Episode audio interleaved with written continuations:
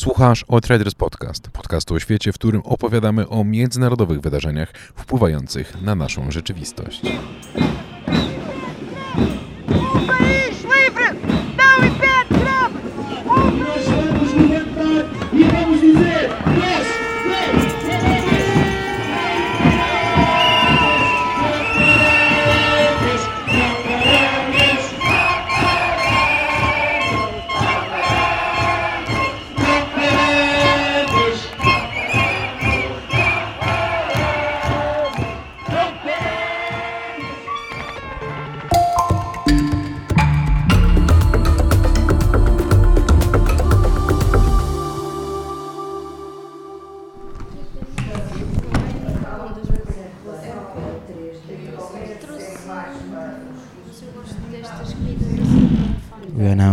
Of Education and uh, press room, waiting for the lunch break.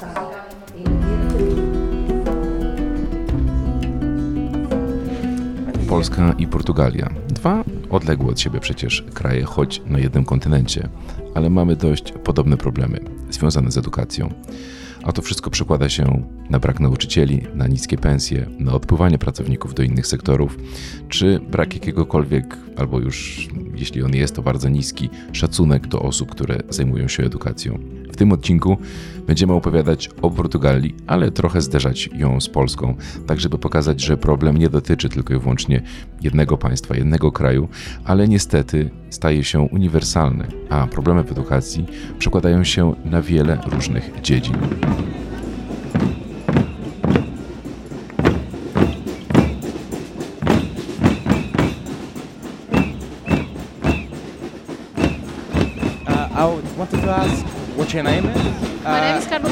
Nazywam się Carla Poeira. Jestem tutaj, aby walczyć o edukację. Walczymy o edukację od dłuższego czasu. Uważamy, że społeczeństwo nie okazuje nam odpowiedniego szacunku, a społeczeństwo od nas zależy. Przyszłość zależy od nas. Walczymy także o naszych uczniów, bo w większości szkół nie ma odpowiednich warunków do nauki. Walczymy o naszą pracę, która nie wygląda tak, jak powinna. Um, work. Czy z reguły bierzesz udział w strajkach, czy robisz to po raz pierwszy? Biorę udział w strajkach, kiedy tylko mogę, kiedy to tylko możliwe. Byłam na wszystkich protestach i strajkowałam, kiedy tylko mogłam.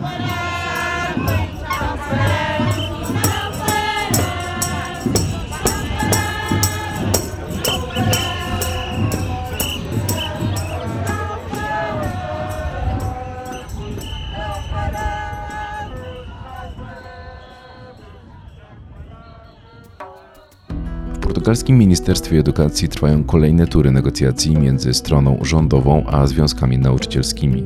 Negocjacje rozpoczęły się po raz pierwszy we wrześniu, a jeszcze w styczniu tego roku minister edukacji João Costa przedstawił szereg propozycji obejmujących m.in. włączenie 10 tysięcy nauczycieli na stałe umowy i zwiększenie wakatów na dostęp do klas piątych i siódmych. Te zapowiedzi nie przekonały jednak związków zawodowych, które skrytykowały ministerstwo za brak odpowiedzi na główne postulaty nauczycieli, głównie te dotyczące zamrożonego rozliczania stażu pracy. Początkowo staż pracy nauczyciela został zamrożony na prawie 10 lat, którego nie mogli wliczać do swoich lat zawodowych. Rząd częściowo ustąpił i wliczył kilka lat do stażu, ale w dalszym ciągu 6 lat, które przepracowali nauczyciele, obecnie nie liczą się do ich przepracowanych karier, za co nauczyciele oczekują wynagrodzenia. Ponadto pretensje nauczycieli dotyczą niewystarczającej kadry, umów na czas określony albo niepełny grafik pracy. Zwracają także uwagę na upadek etosu zawodu nauczyciela, brak szacunku do ich pracy, niskie wynagrodzenia, a w związku z tym brak młodej kadry i studentów na kierunkach pedagogicznych.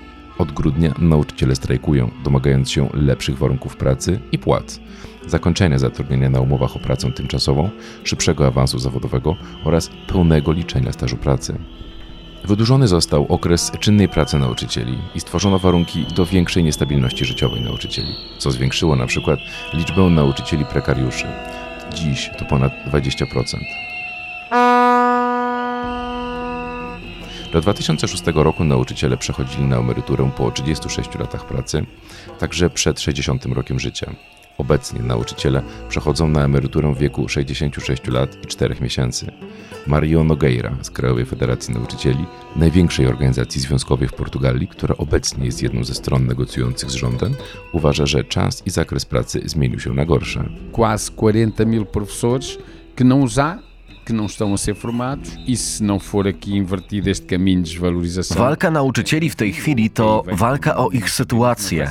Ludzie chcą być wynagradzani zgodnie z tym, co im się należy, prawda? I zgodnie z wypracowanym stażem. To jest fundamentalna kwestia. Ludzie pracowali, muszą mieć do tego prawo, ale też trzeba myśleć o przyszłości i o tym, czym będzie szkoła i edukacja bez wykwalifikowanych nauczycieli. Mas também muito a pensar no futuro e no que é que será a escola e a educação sem professores qualificados. Przewiduje się, że do końca dekady w Portugalii, która ma obecnie około 130 tysięcy nauczycieli, od wychowania przedszkolnego oraz szkoły podstawowe aż do średniej, edukacja będzie tematem numer jeden. Przewiduje się, że do 2030 roku będzie potrzebnych prawie 40 tysięcy nauczycieli, którzy nie są teraz kształceni. O brakach nauczycieli wypowiadał się dla nas Mario Nogueira. Não, porque as zonas menos povoadas e mais pobres, neste caso e no nosso país, não são as que têm falta de professores. Na terenach mniej zaludnionych i biedniejszych, w tym przypadku i w naszym kraju, brakuje nauczycieli. Nauczycieli brakuje w Lizbonie i Algarve, czyli w najbardziej turystycznych rejonach kraju, gdzie ceny mieszkań poszybowały w górę, a nauczyciele zarabiają tak źle, że nie stać ich na przyjazd tutaj. Są to nauczyciele z umowami na czas określony, umowami zlecenie lub młodsi nauczyciele. Dawniej problemem było to, że nikt nie chciał pracować w głębi kraju. Teraz jest odwrotnie. Nikt nie chce jechać do Lizbony i Algarve, bo turystyka wywindowała ceny, których nie pokrywają zarobki. Są więc nauczyciele, którzy gdyby przyjechali na te tereny, gdzie brakuje nauczycieli, czyli do Lizbony i Algarve, musieliby dopłacać do swojej pracy. I dla ministerstwa nie ma różnicy. Nie ma różnicy w sensie prawnym między nauczycielem pracującym w sąsiedztwie swoich uczniów, spotykającym ich na ulicy albo w miejscowości, w której zamieszkuje, a nauczycielem, który musi jechać do pracy 300, 400, 500 kilometrów, mieć drugi dom, którego utrzymanie dużo kosztuje, którego cena jest wywindowana i przewyższa pensję. I to jest obecnie problem. Brak nauczycieli. Agora, isso é como eu lhe disse, pode, ele pode até podia ser mensal. Se não houver vagas, não serve para nada.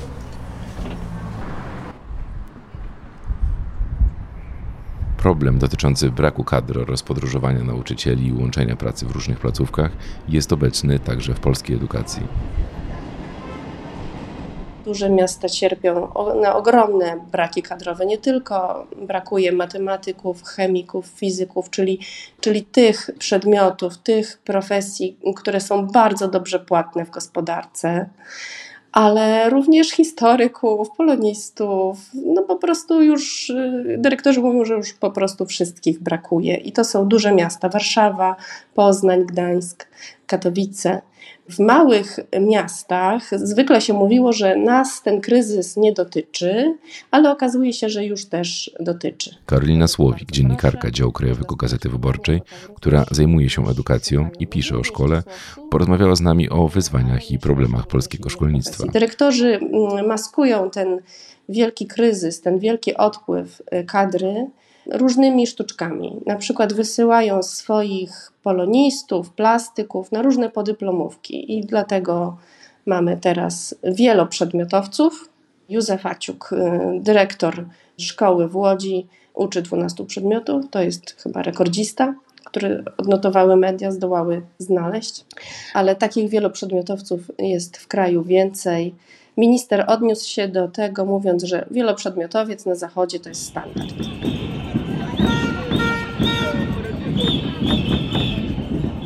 have a few thousand people here. They expect to have a couple hundred people standing in front of Parliament for the full.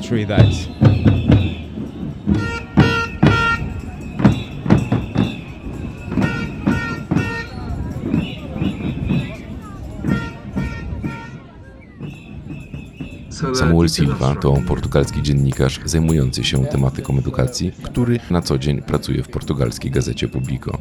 Porozmawialiśmy z nim o strajkujących nauczycielach. Yeah, since uh, December 9th, uh, it's been uh, almost three months now. Od 9 grudnia minęły już ponad trzy miesiące. Mieliśmy urlop w Boże Narodzenie w środku tych trzech miesięcy strajku, ale to już trzy miesiące, odkąd zaczęliśmy protest. Dzisiaj znowu mamy zamknięte szkoły, prawda? Yeah, we have a we have a school shutdown today uh, again. Uh, there there are Dzisiaj tak. Teraz trwa kilka strajków. Jest jeden główny strajk, który zainicjował cały ten czas protestów. Rozpoczął go nowy związek zawodowy o nazwie STOP. To akronim, skrót od Związku Wszystkich Pracowników Edukacji. A potem w lutym był kolejny strajk. Tym razem największych nauczycielskich związków zawodowych w Portugalii. uh.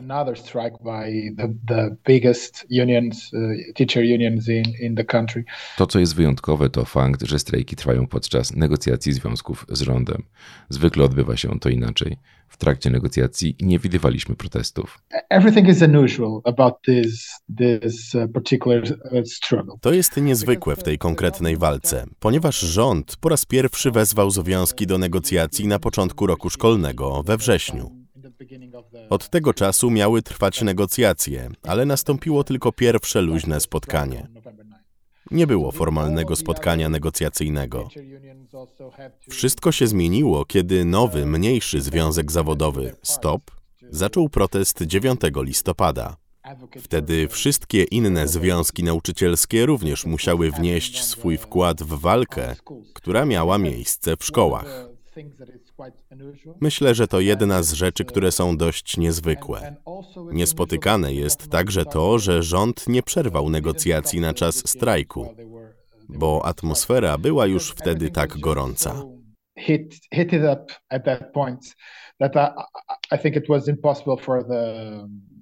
The government to to stop the negotiation at that at that time. Rachunki dotyczące wynagrodzenia dla nauczycieli za niedoliczone obecnie 6 lat pracy są różne. Według związkowców wynoszą ponad 300 milionów euro. Tymczasem według premiera trzy razy więcej. Rząd twierdzi, że nie znajdzie takich pieniędzy w budżecie. Mario no Nogueira jest nauczycielem i e sekretarzem Krajowej Federacji. Nauczycieli FENPROF w Portugalii. Isso é falso, é uma mentira, portanto, aliás, já está mais do que provado que é falso, é uma mentira. To jest największa i najbardziej reprezentatywna organizacja nauczycieli i wychowawców, czyli od nauczycieli przedszkolnych, tych od maluchów, po nauczycieli szkół podstawowych, średnich, wyższych, a także naukowców. To jest właśnie nasze środowisko. Do nosso país vão, vão criando. Zapytaliśmy go o to, czy rząd, zdaniem związkowców, faktycznie nie ma wystarczających środków, żeby pokryć zaległe wynagrodzenia dla pracowników sektora edukacji.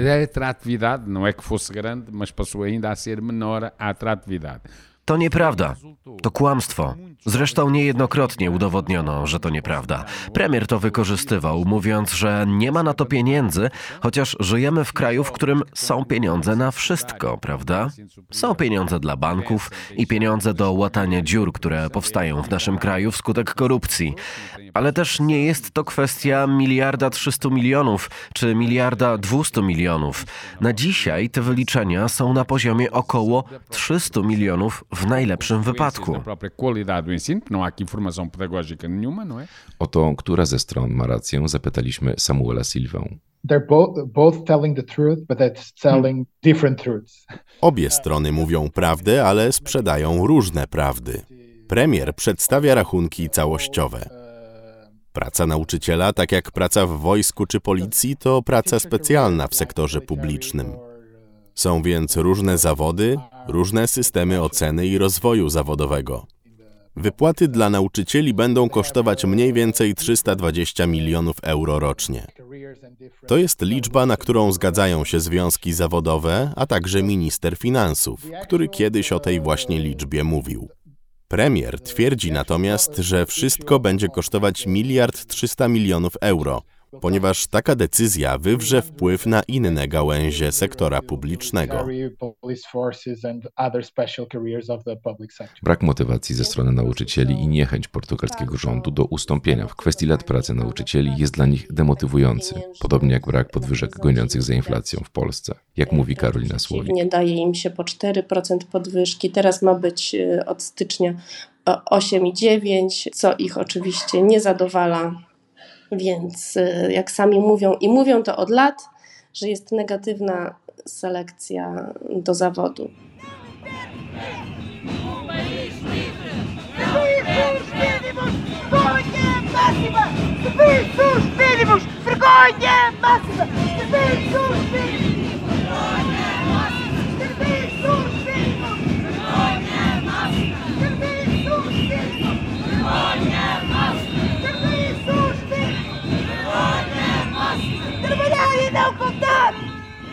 Inną problematyczną dla nauczycieli portugalskich kwestią jest temat konkursów, które są w Portugalii 2. Corocznie Ministerstwo Edukacji dokonuje rankingu nauczycieli i umieszcza ich w szkołach z wolnymi miejscami. Są to często nauczyciele najemni, którzy otrzymują umowę na czas określony, a czasem tylko częściowy grafik pracy. Tymczasem nauczyciele, którzy mieli stałe kontrakty ze szkołą, to 4 lata mogli ubiegać się o przyjęcie do innej szkoły publicznej i zostać tam umieszczonym według systemu rankingowego, jeśli były wolne miejsca. Rząd chciał wydłużyć czas między tymi długimi konkursami do 5 lat. Związki zawodowe skłoniły ich, by zrobili to co roku.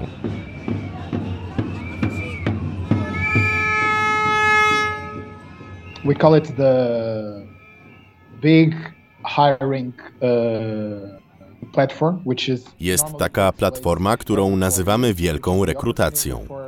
Odbywa się ona co 4 lata i jest okazją dla nauczycieli do zmiany szkoły i znalezienia placówki, która jest bliżej ich domu lub miejsca, w którym chcieliby się znaleźć. Pierwszym pomysłem rządu była zmiana czasu organizowania tej platformy. Politycy chcieli, aby odbywała się ona co 5 lat, nie co 4 lata. A teraz zmieniają jej organizację na coroczną. I będziemy mieć tę platformę wymiany co roku. Dlatego nauczycielom będzie łatwiej. Możliwość ubiegania się przez nauczycieli o wybraną szkołę, która jest bliżej ich miejsca zamieszkania lub po prostu preferowanego przez nich miejsca pobytu, będzie powszechniejsza. I to jest pierwsze wielkie zwycięstwo związków zawodowych. A drugie zwycięstwo? Rząd chciał wprowadzić zmiany do jednej ogólnokrajowej listy klasyfikującej nauczycieli. Ona jest taka sama dla każdej szkoły w Portugalii i zawiera ocenę nauczycieli według różnych kryteriów.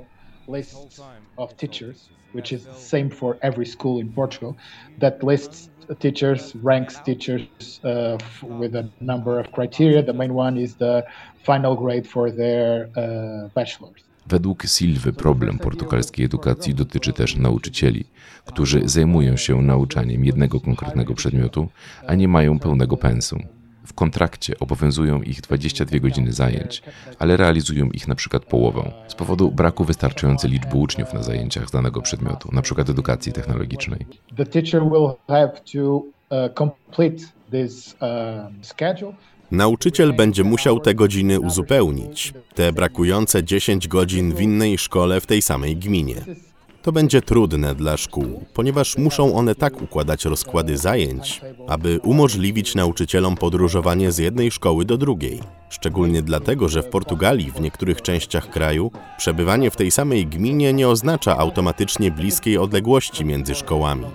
Mogą być na przykład dwie szkoły oddalone od siebie o 10-12 kilometrów. Uh, there are, I don't know, 10, 12 kilometers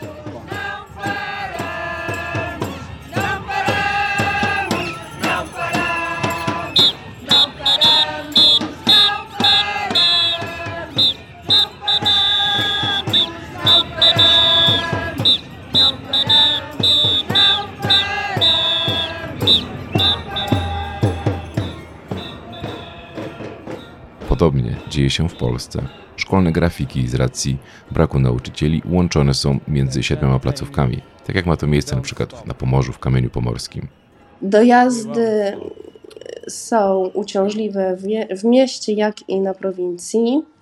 W mieście to jest y, po prostu obręb kilku dzielnic, które można obskoczyć, a na prowincji niestety to są różne powiaty, a nawet gminy, do których trzeba dojeżdżać.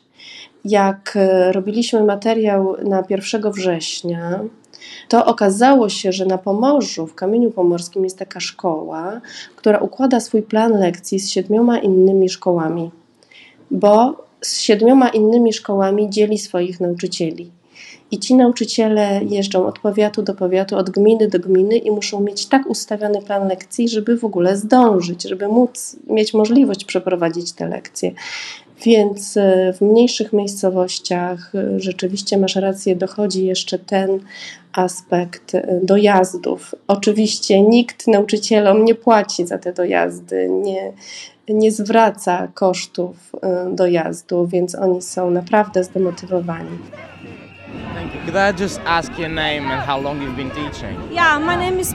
Nazywam się Paula Monteiro i uczę od 23 lat. I'm a Portuguese teacher and I'm here to fight for my rights. Jestem portugalską nauczycielką i jestem tutaj, aby walczyć o moje prawa przed rządem, rządem Portugalii, aby otrzymać to, co zostało nam niesprawiedliwie odebrane.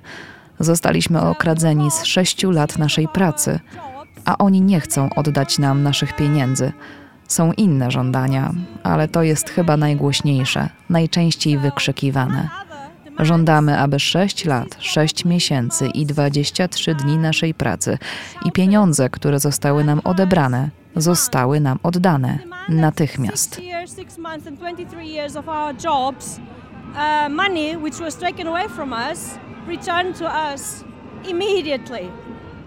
Skąd przybyłaś na dzisiejszy protest?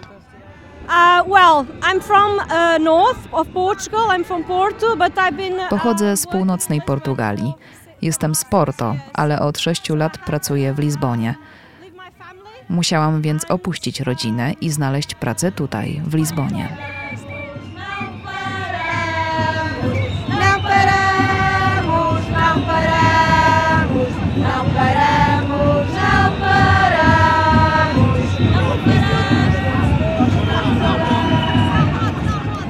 Etos, praca nauczyciela, ich pogłębiający się kryzys zawodowy i demotywacja to elementy, o których jednym tchem mówili zarówno polscy, jak i portugalscy dziennikarze. Biurokracja, którą zajęci są nauczyciele, brak szacunku ze strony uczniów i nieustanny kontakt z rodzicami powoduje, że kadra pracuje ponad godziny wyznaczone w pensum. It's very easy to understand, but very difficult to make it concrete. Jest jeszcze jedna rzecz, bardzo trudna do skonkretyzowania, ale zarazem bardzo łatwa do zrozumienia. To brak szacunku dla nauczycieli. Oni czują, że ich zawód stracił wartość społeczną w ciągu ostatniej dekady. I to, moim zdaniem, jest prawda. Myślę, że to jeden z powodów, dla których mamy tak mało studentów kończących studia nauczycielskie. To punkt wyjścia do całej reszty. Będziemy musieli zatrudnić, a wcześniej zachęcić do podjęcia studiów 30 tysięcy przyszłych nauczycieli w ciągu następnych 10 lat. W tej chwili wydaje się to kompletnie niemożliwe. I to był główny temat. Główna kwestia, która skłoniła rząd do zaproponowania środków, które uczynią karierę nauczyciela bardziej stabilną i atrakcyjną. The career more stable and more attractive. Mario Nogueira z Krajowej Fundacji Nauczycieli zwraca uwagę, że nastąpiła dewaloryzacja zawodu nauczyciela z punktu widzenia materialnego pensji. Pogorszyły się warunki i godziny pracy tej grupy. Isso daí resultou a que muitos jovens professores, milhares, nós calculamos que possam andar na ordem dos 12 mil, 15 mil, Praca w zawodzie nauczyciela straciła na atrakcyjności. Nigdy nie była szczególnie atrakcyjna, ale teraz stała się jeszcze mniej. I stąd się wzięła cała ta sytuacja. Wielu młodych nauczycieli, tysiące, szacujemy w granicach 12 do 15 tysięcy, odeszło z zawodu. Młodzi ludzie, którzy ukończyli szkołę średnią i wybierają się na studia wyższe, przestali wybierać ten zawód. A to oznacza, że w tej chwili ze względu na ten spadek atrakcyjności wynikający z dewaluacji, ewaluacji mamy tysiące uczniów, którzy nie mają nauczycieli. Mamy w tej chwili około 40 tysięcy uczniów, którzy nie mają jeszcze wszystkich nauczycieli, a jesteśmy już na półmetku roku szkolnego. A przecież sytuacja jest bardzo zakamuflowana, bo Ministerstwo Edukacji Narodowej w tym roku zwiększyło liczbę nauczycieli o 60% spośród absolwentów innych kierunków, którzy nie są nauczycielami, a będą uczyć. Oni nie są nauczycielami, nie mają przygotowania, nie odbyli stażu. Niektórzy nigdy nie przeprowadzili żadnej lekcji. Karolina Słowik z Gazety Wyborczej podkreśla, że nieustanny kontakt na linii nauczyciel-rodzic również wpływa na jego czas pracy. Jak mówi, rewolucja komórkowa nie tylko zagroziła w mniemaniu nauczycieli samemu przebiegowi lekcji, ale też samym nauczycielom, bo rodzice, oczywiście niektórzy, uważają, że nauczyciel dostępny jest 24 godziny na dobę. Tymczasem nauczyciele obawiają się czegoś innego, że ich etos, jakikolwiek szacunek będzie degradowany w dalszym ciągu. Jest to wiele czynników, ale nauczyciele teraz głównie boją się, tak już mówię z, z poziomu ławki, no, zwykłego nagrywania, wrzucania fragmentów ich y, lekcji do sieci, obśmiewania ich w sieci gdzieś na prywatnych czatach, czyli tego, czego doświadcza młodzież między sobą, takiej, taka przemoc rówieśnicza, która się rozlewa również na nauczycieli. Widzieliśmy festiwal naprawdę nienawiści wobec nauczycieli ze strony uczniów w czasach pandemii. Mieliśmy to bardzo dobrze udokumentowane takie naśmiewanie się, ale już takie za, za, za, zahaczające jakąś patologię, były wysyłane na YouTubie. Na YouTubie powstały specjalne kanały, które robiły takie pranki, takie, takie żarty z nauczycieli, gdzie po prostu rajd jakichś małolatów wjeżdżał na zdalną lekcję i robił sobie totalne żarty z takiego nauczyciela. I to nie zginęło, to wszystko jest, można sobie odsłuchać w każdej chwili. I po tym doświadczeniu trudnym w pandemii nauczyciele bardzo się boją, że ich uczniowie stacjonarni, że tak powiem, będą to kontynuować. W każdym razie wiedzą, że oni mogą to zrobić. I oni bardzo się boją. 60% szkół w Polsce w swoich statutach zapisało całkowity zakaz używania telefonów komórkowych, co według Karoliny Słowik jest fikcją. Telefon jest również używany jako narzędzie edukacyjne młodzieży. Nie ma możliwości wyłączenia go ze szkoły. Nauczyciele, których Nuno Viegas spotkał w trakcie protestu w Lizbonie, zapytani o to, czy cieszą się społecznym poparciem, uważają, że są ważni dla Portugalczyków. Czują wsparcie od rodziców dzieci, które chodzą do szkoły. Carla Poreira stwierdza, że problemy nauczycieli odzwierciedlają problemy wielu grup społecznych. Uh, well, I think it's better than it was back in the old days because Myślę, że jest lepiej niż dawniej, ponieważ większość ludzi również walczy o swoje prawa. Tak po prostu jest i wierzę, że część ludzi skupia się na nas, ponieważ jesteśmy odzwierciedleniem ich własnych trosk. Nauczyciele nie cieszą się jednak pozytywnym wizerunkiem u kolejnych rządów. Myślę, że media społecznościowe w pewnym stopniu się do tego przyczyniły. Tak więc odpowiedź na to pytanie jest taka, wiesz, pół na pół. so well, it's kind of like a 50-50 um, question. Uh, the answer.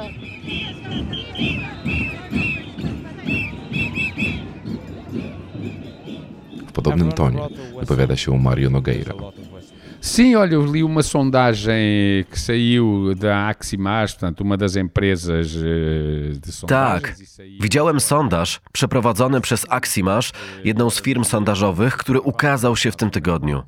Ostatnio, kilka dni przed karnawałem, pod koniec ubiegłego tygodnia, czterech na pięciu Portugalczyków, czyli mówimy o 80%, popierała nauczycieli. Tak wyszło w tym ostatnim badaniu. Popierali. A w odniesieniu do strajków i walki to nie było 80%, ale większość respondentów opowiedziała się za nauczycielami. Dlatego teraz jestem pewien, że nauczyciele nadal mają zgodę ludzi, ponieważ jest to ważna kwestia. Ludzie nie znają nauczycieli, ani nie wiedzą, co do nich mówią rządzący lub niektórzy komentatorzy, którzy zawsze są przeciwko nauczycielom. Ludzie znają nauczycieli przez swoje dzieci, ich konkretne szkoły i w związku z tym wiedzą, jaki wysiłek nauczyciele wkładają i z jakimi trudnościami muszą się oni mierzyć.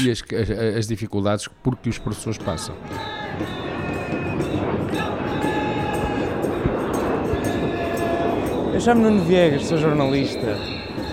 Mogę zapytać, kim pani jest i dlaczego pani perguntar-lhe quem é tutaj przyszła? está aqui. Quem é que eu sou? Sou uma professora com 37 anos de serviço. Jestem nauczycielką z 37-letnim stażem i jestem tu z tych wszystkich powodów, o których szeroko mówi się w social mediach. O dinheiro está tá a ficar muito curto. Pieniędzy jest coraz mniej, żyję z kartą kredytową w ręku. Nie jestem w stanie dłużej tak żyć. Będę dziś protestowała, ponieważ nie dam rady dłużej strajkować. Trzeba sobie teraz zadać pytanie, ile czasu jeszcze uczniowie dadzą sobie radę beze mnie, bez lekcji. Wydaje się, że problemu nie da się rozwiązać. Myśli pani, że rząd nie ustąpi? Myślę, że nie. Nie skłania się ku temu. Skoro pani uważa, że rząd nie ustąpi, to dlaczego kontynuujecie protest?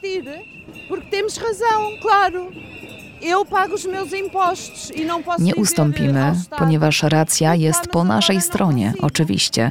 Płacę podatki i nie mogę powiedzieć państwu, przepraszam, ale teraz nie dam rady zapłacić. O państwie powinno się mówić dobrze, prawda? Uważam, że niepłacenie nauczycielom czy innym pracownikom sfery budżetowej jest nielegalne, prawda? To jest nie do zaakceptowania. Não, é inaceitável. Veio de onde para o protesto? Eu vim de, de Setúbal.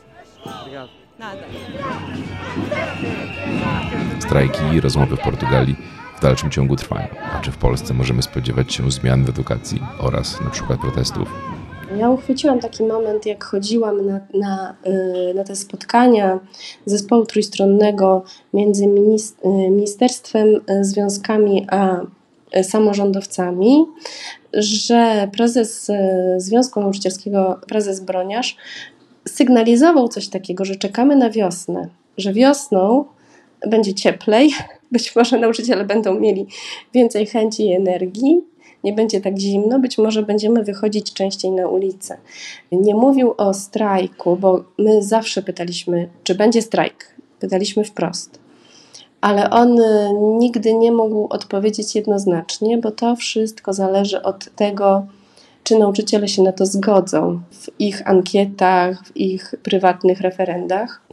A nauczyciele po tym strajku 2019 roku no, można powiedzieć, że są straumatyzowani. I że ten brak autorytetu oni odczuli po raz pierwszy tak bardzo silnie już wtedy, kiedy na forach wypisywano o nauczycielach najgorsze rzeczy. Teraz z maili Dworczyka wiemy, że to była z góry zaplanowana rządowa akcja, co jest jeszcze bardziej paskudną historią, ale to ziarno zostało zasiane i ono sobie kiełkuje. A nauczyciele to odczuwają do dziś i boją się po prostu hejtu.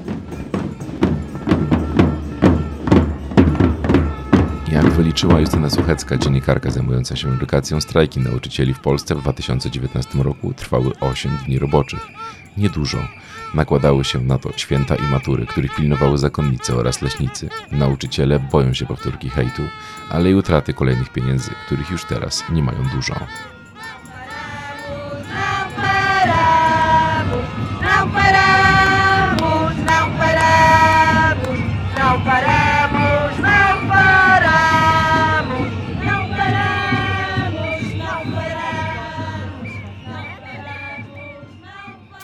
To był 59. odcinek Outriders Podcast. I tutaj ważna informacja. Wielu, wiele z Was pytało, kiedy odcinki znowu będą pojawiać się na YouTubie. Informuję, że wróciły, ale wróciły na nowym kanale Outriders Podcast. Przenieśliśmy tam całe archiwum, ono zniknęło ze starego kanału i jest teraz tylko dostępne w tym miejscu. Możecie wejść sobie na YouTube'a, wpisać Outriders Podcast, powinno się pojawić, a jeżeli nie, to również link dodajemy do opisu, tak żebyście mogły, mogli już dalej słuchać, jeżeli chcecie tam faktycznie słuchać podcastu. A jeśli interesuje Was, co jeszcze wydarzyło się na świecie, zapraszam do cotygodniowego magazynu Outriders, który wychodzi oczywiście w każdy piątek o 8 rano. To tyle ode mnie na dzisiaj. Odcinek produkowała Zuzanna Olejniczak, a realizowała Ewa Dunal z Sounds and Stories. Do usłyszenia.